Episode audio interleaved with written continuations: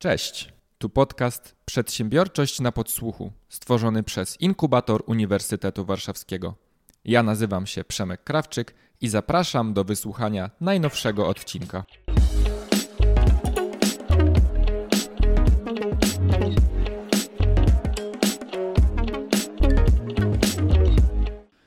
Dlatego e, warto te warsztaty zrobić. One często, tak jak e, ws- wspomniałem, klienci też różnie na to reagują, no bo do czego mam płacić, jak ja jeszcze nie wiem, co wy, co wy tak naprawdę chcecie zrobić. Nie?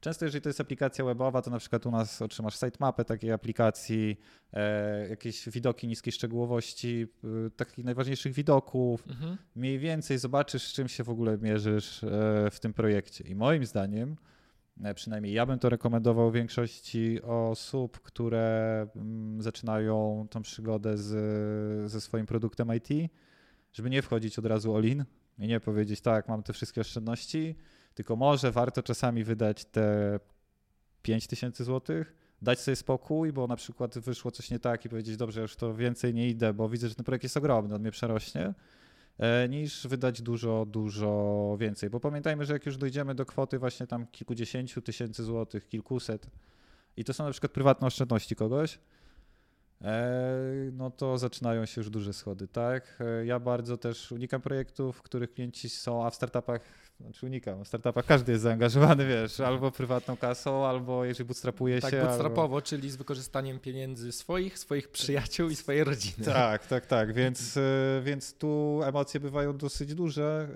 e, Dlatego my też e, no, No przez, tak. te, przez te lata na rynku nauczyliśmy się, żeby sugerować klientom, że może warto, znaczy, że może warto, że może lepiej teraz przepalić mniej, a zobaczyć, czym się mierzymy.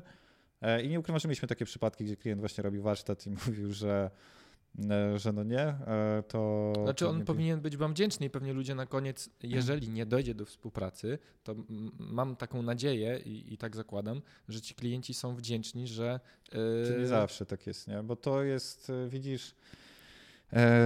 Czy oni, czy oni rozumieją No to, właśnie o to chodzi, dzięki to wam jest- zaoszczędzili kilkaset tysięcy złotych wydając kilka, czy, to, czy ja też nie mówię, że my podczas tych kilkunastu godzin jesteśmy w stanie rozstrzygnąć wszystko, tak? Że tu powiemy, mm, że tego się nie da zrobić, bo być może, że przyjdzie ktoś inny i to zrobi to, Mhm. i to w miarę też w tym budżecie.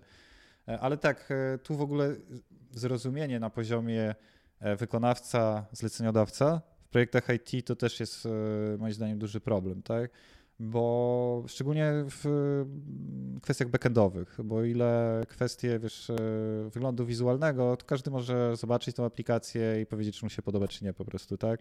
E, Większość jest oparta i tak e, najczęściej o podobne komponenty, które są używane w większości aplikacji. Zwróć uwagę, że te aplikacje teraz są wszystkie podobne w miarę, jeżeli chodzi o, o dużo komponentów. Mhm.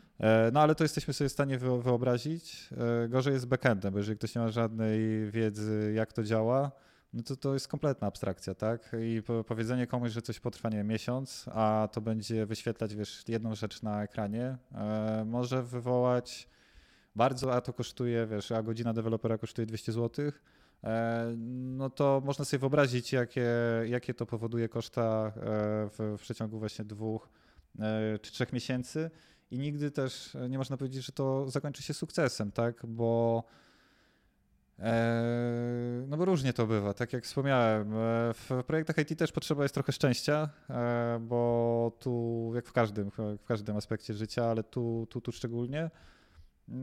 No i przede wszystkim, e, mm, tak jak wspomniałem, trzeba najpierw, najpierw wiedzieć, czym się mierzy. Tak? Od strony klienta bardzo duża ostrożność, chłodna głowa e, i opisanie tego, co chce się, co chce się zrobić. E, A już na początku, właśnie jeszcze nawet bez tego briefu, zwróć uwagę, że Software House może ci dużo zwalidować, no bo wyślesz to zgłoszenie, dostaniesz brief od nich e, jakiś wstępny, albo nawet wyślesz swój brief, co już bardzo dobrze wygląda, jakiś Mhm. dłuższy, e, opisane, gdzie są funkcjonalności, swoimi słowami, to nie jest jakby, albo nie wiem, w Google można wszystko przecież wygooglować, tak, znaleźć jak, nie wiem, Jak wysłać te... napisać brief do Software No, House? może to akurat... Zaraz to wpiszę i, zobaczymy, ale Będę top jeden na to, jak za chwilę napiszę taki wpis, jak Państwo będziecie szukać, to, to możecie, możecie znaleźć nas w Google. E, I tam będzie napisane. Ale to będzie to samo, co teraz mówię, więc e, w każdym razie, jak to wyślesz, e, no to jeżeli wyślesz też do Software House'u, który robił taki projekt, czy nie, no mówię, tą aplikację fitness, tak? E, I widzisz, że, że ta aplikacja jest jeszcze live, to najlepsze, możesz ją pobrać. I widzisz, że ona jest bardzo podobna do tego, to oni już mają know-how. Prawdopodobnie e, oni dużo szybciej będą w stanie właśnie walidować takie rzeczy, bo zwróć uwagę, że ja nie wiem, jak się robi aplikację fitness, bo nigdy nie robiłem aplikacji fitness, tak? Ale robię na przykład teraz aplikację dla branży fashion e, i bardzo, bardzo taką mm, no dosyć rozbudowaną. E, więc e, już też wiem mniej więcej, jak e, powinienem, wiesz, ile co będzie kosztować, tak? Czy to będzie miesiąc, czy dwa lata pracy programisty. A my rozmawiamy o takich przedziałach. Często projekty startupowe, no to jest wszystko just in time, tak? Mamy powiedzmy, jeszcze jak ktoś próbuje pozyskać kapitał, no nie wiem, ma rozmowę z inwestorem, tak? I my musimy tą aplikację zrobić tam do, do jakiegoś czasu, tak? I jeżeli ona nie będzie gotowa, no to nie będzie już drugiej rozmowy z inwestorem, tak?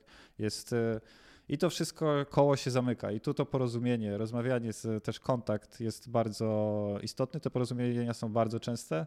Ja staram się z klientami rozmawiać bardzo prostym językiem i często przykładać to na jakieś takie anegdotyczne e, rzeczy, mało takie, które są w stanie trochę... Łatwo można sobie to Tak, może anegdotyczne to źle, takie, to nie jest śmieszne, tylko chodzi bardziej o takie, wiesz, o bardziej e, przykładające w, w, to, to abstrakcję na coś, co można sobie wyobrazić. E, dlatego, tak jak wspomniałem, najczęściej projekty IT sukcesem kończą ludzie, którzy po prostu wiedzą, jak to się robi. Tak? Zauważ, że jakbym wiedział, jakbym to zrobił, to przyszedłbym do ciebie, wypełniłbym ci brief, powiedział, jak chcę, e, chcę UX-owca, chcę dwóch frontendowców, chcę backendowca tak, i. Tak, i jedziemy z tym projektem. Tak, ja już mam wszystko, mam rozpisany cały projekt w Jirze, niech biorą te taski i, e, i działają. A tutaj no to musisz mieć, jeżeli nie wiesz, nie wiesz nic i nie wiesz, jak to wygląda, to musisz mieć ogromne zaufanie do tego, kto to robi. Eee, a tak jak wspomniałem, nie każdy projekt kończy się sukcesem. I tak, e, tak, tak. Nawet bym powiedział, że większość się kończy porażką niż No i też, tak, no i też często mm, pamiętajmy, że za jakieś pierwsze pieniądze, bo e, ja też miałem e, taką okazję właśnie rozwijać mm, taki projekt e, z użyciem środków e, grantowych, to znaczy mhm. do, dofinansowanie z programu grantowego.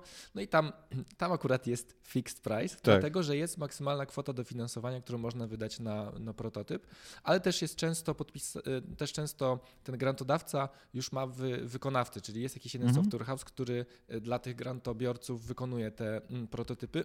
Ale dlaczego o tym mówię? Mówię o tym dlatego, że często ten pierwszy prototyp to jest tylko front, który mhm. nawet nie ma podpiętej tej bazy danych. Czyli tak. to jest taka wersja, która służy do pokazywania komisji, która ocenia na koniec mhm. Y, ten grant potencjalnym inwestorom, prawda, jakimś mhm. pierwszym klientom, że zobaczcie, to jest aplikacja, która będzie robiła to i to. Pewne funkcjonalności się klikają, można przechodzić przez kolejne ekrany, tylko potem po odświeżeniu strony trzeba to zrobić jeszcze raz, bo żadne dane się nie zapisują. Tak? I to tak. jest też różnica, bo my sobie często wyobrażamy, że pójdziemy do software house'u tak? i wyślemy im ten brief i po dwóch miesiącach dostaję aplikację, która już działa, już ją wrzucam do sklepu, tak. albo platforma już działa, już ludzie kupują, są pieniądze i jestem tak, startupowcem tak, tak, pełną geną. Tak to nie, nie wygląda. E, tak, oczywiście. E, w ogóle wersja MVP to też jest trochę szerszy temat, ona może wyglądać tak, jak powiedziałeś. E, I też e, te, e, oczywiście projekty Fixed Price też się robi, właśnie no, grantowe projekty są projektami Fixed Price. Nawet skończyliśmy w, na początku stycznia taką realizację.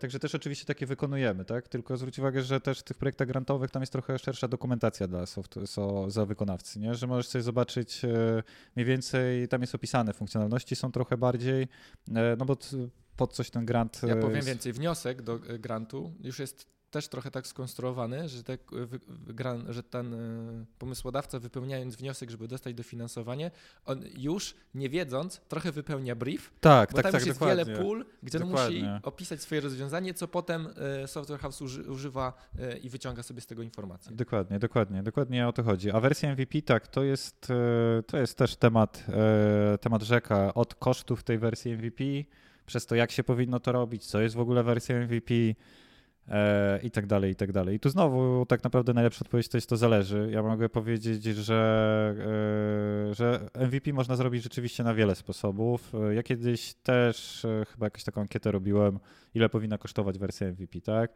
E, bo my wersje MVP, które robiliśmy dla takich e, startupów, powiedzmy w wczesnej fazie, tak, bo z takimi współpracujemy, które już miały finansowanie albo jeszcze nie, często te wersje MVP kosztowały od 50 do 150 tysięcy złotych, tak? Mhm. E, mniej więcej tak się kończyło napisanie tej aplikacji. Strzelałbym to, to sam przedział. Tak, z, z projektem już graficznym, e, ze zrobieniem już takich najprostszych funkcjonalności. Ja mówię o wersji już, którą można było wdrożyć produkcyjnie, tak? Czyli ona działała produkcyjnie, aczkolwiek no nie miała wszystkich funkcjonalności, miała też sporo bugów. Wiadomo było, że to nie jest coś, co wiesz, wrzucasz na produkcję i od razu tak. e, rośnie stan konta. Nie, tu jeszcze trzeba mocno w to inwestować i to jest, to przejdziemy potem dalej, ale wróćmy jak właśnie do tego MVP.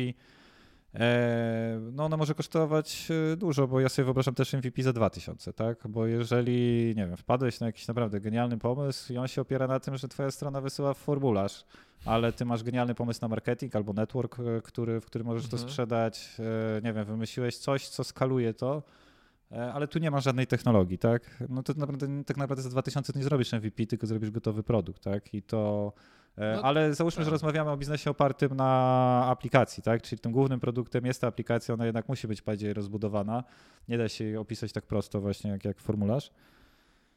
E, no to tutaj zaczynają się trochę schody, tak? E, bo to trzeba wszystko umiejscowić w kontekście tego, co ty robisz. Czyli jeżeli robisz ten projekt i masz już do niego finansowanie i masz powiedzmy, nie wiem, milion złotych, e, no to można z dużym prawdopodobieństwem po, podejrzewać, że będziesz w stanie zrobić gotowy produkt, będziesz miał jeszcze trochę na marketing i już będziesz w stanie zwalidować kompletnie swój pomysł, jeżeli nie wypali, dosyć szybko, to pewnie, pewnie albo zbierzesz jakąś rundę, albo trzeba będzie tylko bez pokazania MVP nie zbiorę miliona. To też jest pewnie no ale załóżmy, że masz od rodziny, tak? E, że tu, tu ktoś ci pomógł, e, albo ktoś uwierzył w ten pomysł i od razu jest te. Bo ja mówię, mówię, bo to są skrajne przypadki, tak? Czyli tutaj raczej nie będziemy robić MVP, od razu uderzamy w gotowy produkt.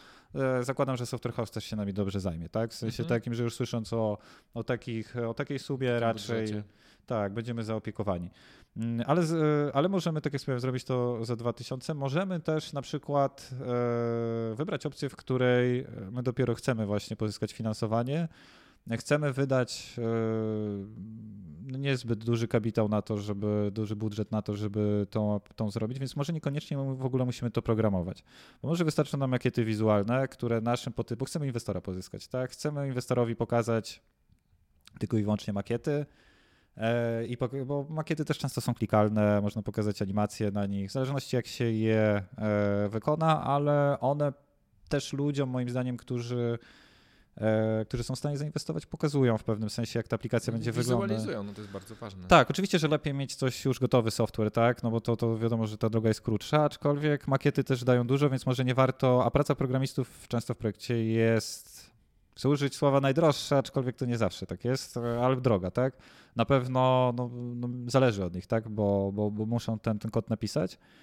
E, więc może warto zrobić same makiety na przykład e, e, dobrze, tak, wykonać je przez profesjonalną firmę, na przykład pokazać funkcjonalności na makietach, które będą w wersji MVP, pokazać, że ten projekt ma ręce i nogi od strony właśnie takiego całej, całej drogi, jaką my chcemy ten produkt rozwijać, że nie od razu porywamy się na przykład na drugiego Facebooka, ale tam za kilka lat być może, że ta aplikacja urośnie do tego typu do tego typu skali. E, no i to też jest MVP dla mnie, tak? Czy makiety w, w Figmie są, są MVP? Wydaje mi się, że tak.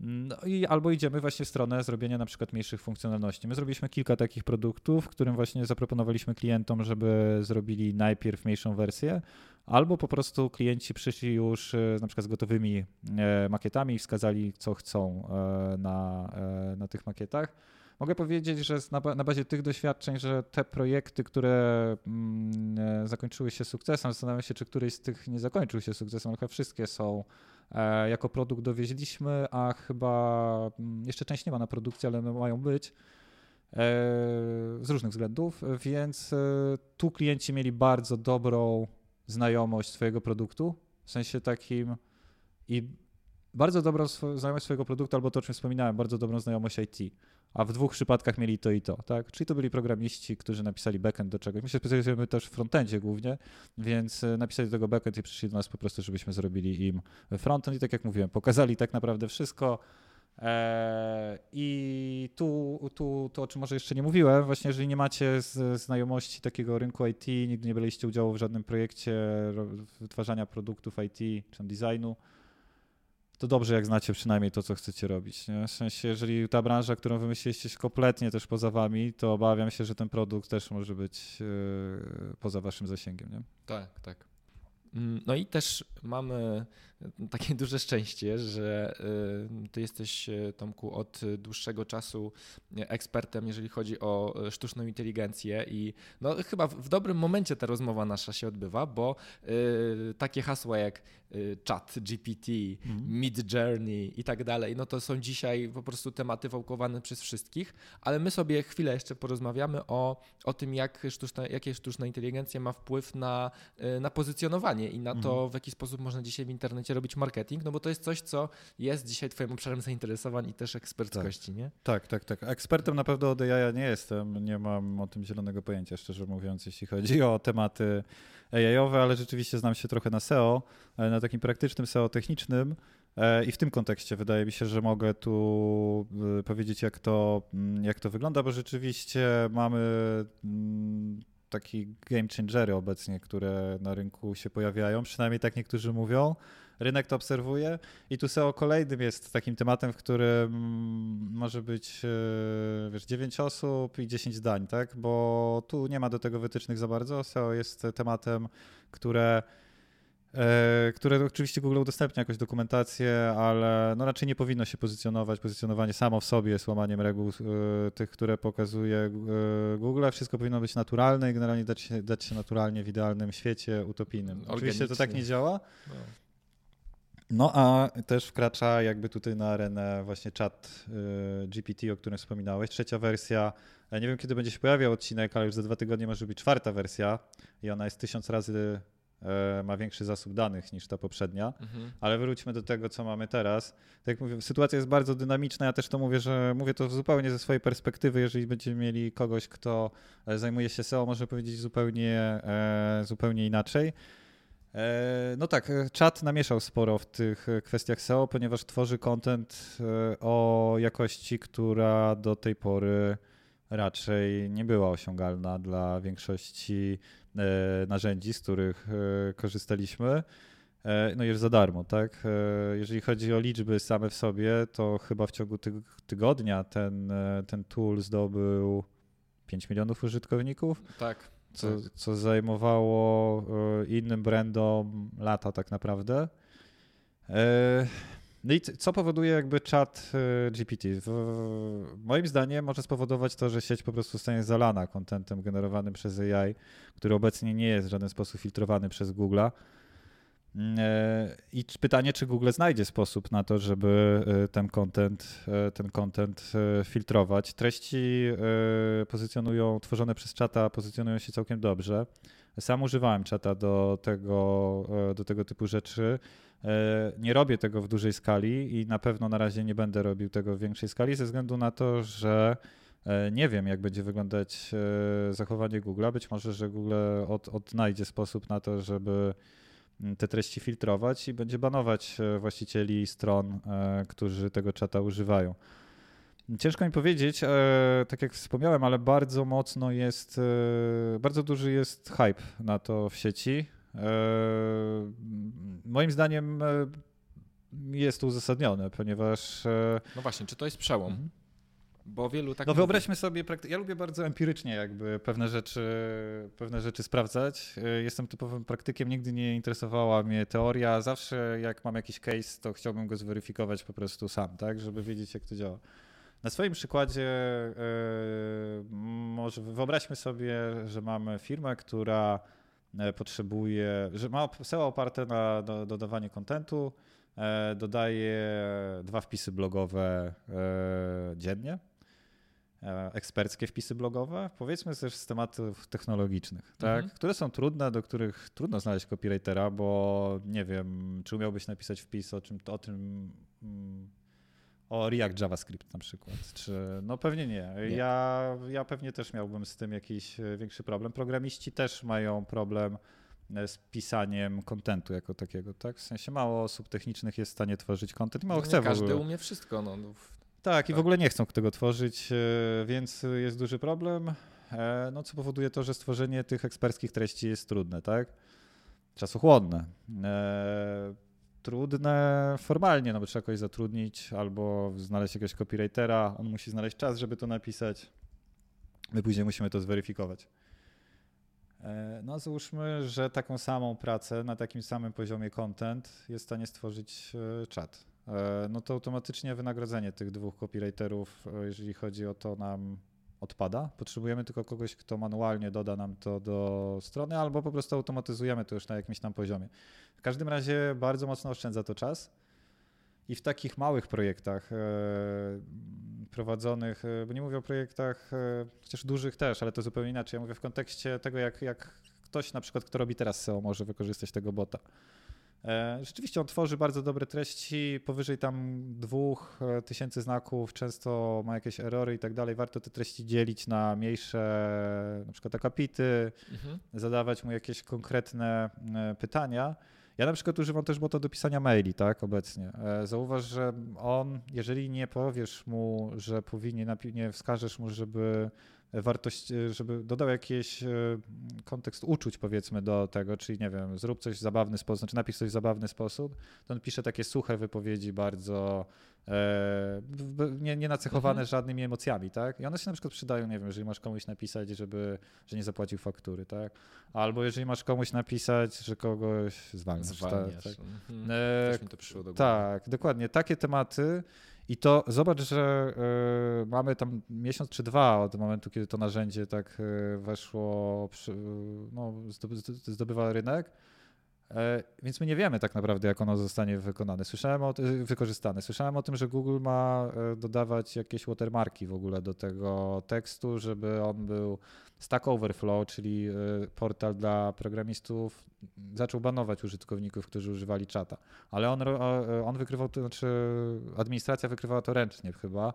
Z tego co słyszałem tam, jeżeli był duży przyrost treści jakiegoś użytkownika, to zaczęli się przyglądać temu. Jeżeli byłeś podejrzany, po prostu ban prewencyjnie, później będziemy wyjaśniać. Google nie jest w stanie w takiej skali tego, tego, zrobić. No właśnie, ale tam podobno podniósł już jakiś czerwony alarm, także no czekamy. Ja czekam na case ludzi, którzy też właśnie empirycznie sprawdzą, to, co jest osobiście, zrobiłem kilka testów. Tak, treści pozycjonują się bardzo dobrze, e, ale obawiam się, że to nie jest takie Eldorado, które wiesz, dzisiaj zaimplementujemy, no bo to można powiedzieć, że jeżeli to ma tak działać, to istota działania wyszukiwarki, taki paradygmat, nazwijmy to działania wyszukiwarki kończy się, tak? Nie ma, no bo Google nie może działać na zasadzie wpisywania zapytania, bo bot to zrobi lepiej, tak?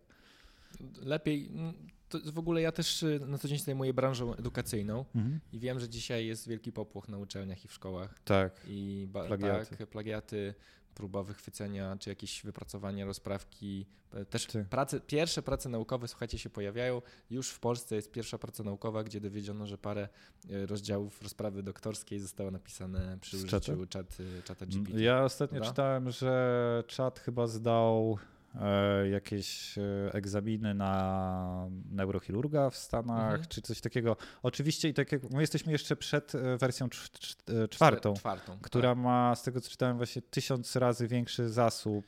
4 tryliony, tak? Jakiś nie pamiętam. Jednostek danych w ogóle. To... Widziałem tylko taką kropkę, która jest bardzo mała, a druga jest bardzo duża porównania czata i to daje do myślenia. E, jestem ciekaw, no to też blady strach, znaczy blady strach, nie chcę też tak mówić, bo oczywiście to, to, to temat nie jest, y, nikt nie wie jak to się potoczy, ale jednak no, programiści też czują oddech e, sztucznej inteligencji, bo te tule, które pomagają już w wpisywaniu kodu e, całkiem nieźle sobie radzą. Chat też potrafi jakieś proste kawałki kodu napisać. Ja na ten moment to jest niemożliwe, żeby w ogóle, wiesz, myśleć o tym, żeby implementować to w jakichkolwiek projektach, bo wbrew pozorom e, projekt IT to nie tylko technika, ale głównie ludzie, nie? Więc tutaj czat nie, nie zadba o to, żeby wiesz, klient zapłacił fakturę, czy albo żeby wytłumaczyć mu właśnie, no wyobraź sobie, że przychodzisz do e, do sztucznej inteligencji mówisz jej taką abstrakcyjną sprawę, że ty chcesz zrobić aplikację do taksi, nie? E, gdzie no, nie da się tego, tu musisz mieć dwóch ludzi, którzy, którzy na samym początku tu zaczną. Także do, ja bardziej chciałem, jeżeli chodzi o ten czat, e, wydaje mi się, że to jest kwestia jeszcze, której nie możemy jednoznacznie tak, rozstrzygać, ale na pewno, na pewno jeżeli, jeżeli coś e, na pewno wywołało jakieś takie zamieszanie. Nie? I to często jest tak, że historia trochę przyspieszyła. Jeżeli ona e, pójdzie w, w, w, trochę inną stronę, no to możemy być e, świadkiem początka, końca mm, wyszukiwarki Google. Nie wiem, czy ty sobie wyobrażasz, że za 2-3 lata nie będzie Google, nie? Że czegoś takiego. No dla mnie jest to na ten moment nie jestem w stanie sobie tego wyobrazić, tak? A te zmiany mogą tak szybko e, zajść. Nie? Znaczy, ja jakbym miał się pokusić o jakieś przewidywanie przyszłości, to bym powiedział, że być może niedługo zajdzie jakaś akwizycja, Google kupi e, OpenAI i na przykład ChatGPT będzie zaszyty w wyszukiwarkę Google i będzie to zintegrowane jedno narzędzie. E, no chyba już teraz jest wyszukiwarka, która wyszukuje chyba Bing jakoś to. E, Bing tak, próbuje się zintegrować. Mm, ale znaczy będzie chciał, bo jest, ja też na razie dotarłem do informacji z zeszłego tygodnia, że Bing chciałby się zintegrować. Tak, to wiesz, to. Że to jest ich plan i ogłoszenie. Nie? My dzisiaj rozmawiamy przed tą wersją 4. Prawdopodobnie odcinek się ukaże już po launchu tej wersji 4 i może się okazać, że wiesz, wpisujesz, napisz mi akcję, aplikację mobilną i on ci pisze tą aplikację do taksi, więc e, no to są, są, są takie w każdej branży, a branża IT, branża wysokiego ryzyka, branża startupów, e, chat GPT, tak, to są takie rzeczy, które zawsze wiążą się no, z ryzykiem, tak, i zawsze może przyjść coś, co co trochę... No powywraca to. Tak, wiesz, my też specjalizujemy się w jakichś technologiach. Właśnie nie sądzę, że, że nie chcę tutaj wieszczyć, że nie wiem, branża IT już teraz możemy sobie szukać wszyscy, wiesz, nowej pracy. Raczej to się nie nastąpi, bo takie zmiany nie następują aż tak gwałtownie z, z różnych względów to, że technologia jest dopasowana i ona jest przełomowa, to jeszcze nie znaczy, że da się ją zaimplementować tak łatwo i że ludzie ją przyjmą i tak dalej, i tak dalej. Na razie to wygląda bardzo dobrze. E, no ale sam właśnie czat, czat i reszta całej, wszystkich produktów wytwarzanych IT e, no wiąże się z tym, że ktoś może zrobić coś, co wywali cię z siodła, nie? I teraz trzeba myśleć, jak, e, jak wrócić. Ja też ze sobą takie projekty mam.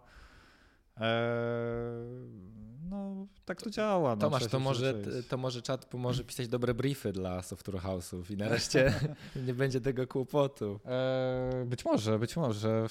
Myślę, że część ludzi nie docenia jego jeszcze takich e, zdolności. Ja na przykład jestem osobą, która wie, co chce napisać, ale niekoniecznie umie to często napisać. Nie? I, I, w tym przypadku idealne. idealne inteligencja wchodzi i dokładnie robi to, czego chcesz. Ale widzisz, ale uczelnie, na przykład właśnie branża edukacyjna, to jest dramat, bo to w ogóle, ja rozumiem wspomagać się trochę, e, trochę technologią, ale tworzyć już, zgadzam się, że e, akapity nawet, czy rozdziały tworzone przez sztuczną technologię, no to jest plagiat, typowy plagiat i to powinno być bardzo mocno E, no to się niczym nie, nie różni tak, od zamawiania pracy na zlecenie, prawda? Co też wiemy, że no to, to nie o to w tym wszystkim chodzi. No dokładnie, tylko że wiesz, tutaj to może pójść dużo, dużo większą skalę, jeżeli to stanie się już e, takim, wiesz, e, codzienną rutyną, to wszyscy będą z tego korzystać i w końcu wszyscy myślą, no dobra, no piszemy te prace doktorskie przez czata, no ale no co mamy zrobić, jak nie da się tego zrobić? Tu też są takie zagrożenia, to jest mnóstwo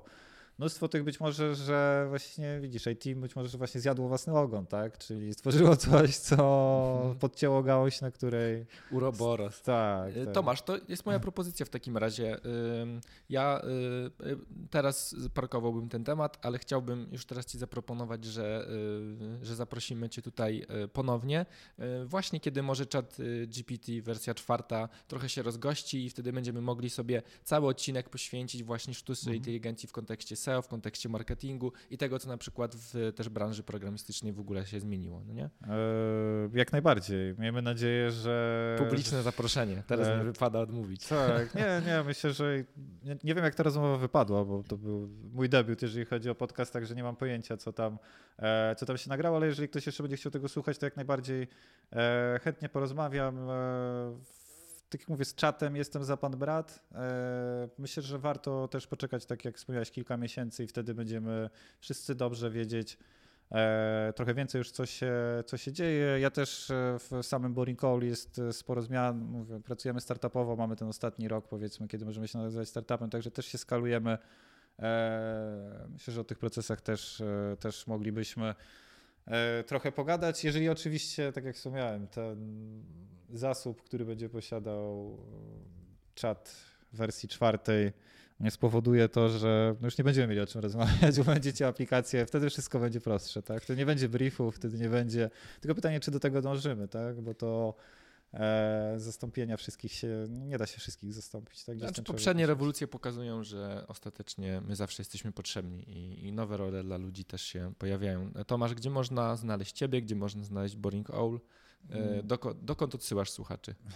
Właśnie jesteśmy w trakcie przeprowadzki, właściwie ją zakończyliśmy. Mieliśmy biuro na warszawskim Grochowie przy Wiatracznej. E, sam jestem osobiście związany dosyć mocno z tym miejscem, bo tam też wszystko, wszystko się zaczęło, mhm. E, ale od nowego roku przenieśliśmy się na ulicę Żurawio, dołączyła też do nas jedna bardzo doświadczona osoba. Myślę, że jak już będzie pewnie ten opublikowany odcinek, to już to będzie oficjalnie. Jesteśmy w trakcie takiego też małego rebrandingu, pokazania trochę e, kilku projektów, które robiliśmy. Mówię, jeden projekt z branży, bardzo ciekawy z branży, z branży fashion, e, kilka też e, startupowych. Także zapraszam na ulicę Żurawią 2 przez 47, ewentualnie naszą stronę internetową boringcoal.io. E, już mam nadzieję, że właśnie będzie w nowej wersji, bo my też prowadzimy swój e, właśnie projekt od półtora miesiąca, migrujemy stronę. I też nie wszystko idzie tak, jak powinno iść. Tak, ja z poziomu klienta się tutaj wcielam, także widzę, jak mój zespół na przykład pracuje, tak? I to mm, też tak wygląda. Także zapraszamy na krakowskie, e, zapraszam na krakowskie przedmieście, chciałem powiedzieć, na Żurawią. E, jesteśmy tam codziennie, także chętnie Super. Pomożemy. Kochani, waszym i moim gościem był Tomasz Kozon, współzałożyciel Boring Owl. Tomku, bardzo ci dziękuję za tę rozmowę. Dziękuję również. Mam nadzieję, że do usłyszenia, a z wami, drodzy słuchacze, mówię definitywnie do usłyszenia, bo jesteśmy i wracamy już za dwa tygodnie.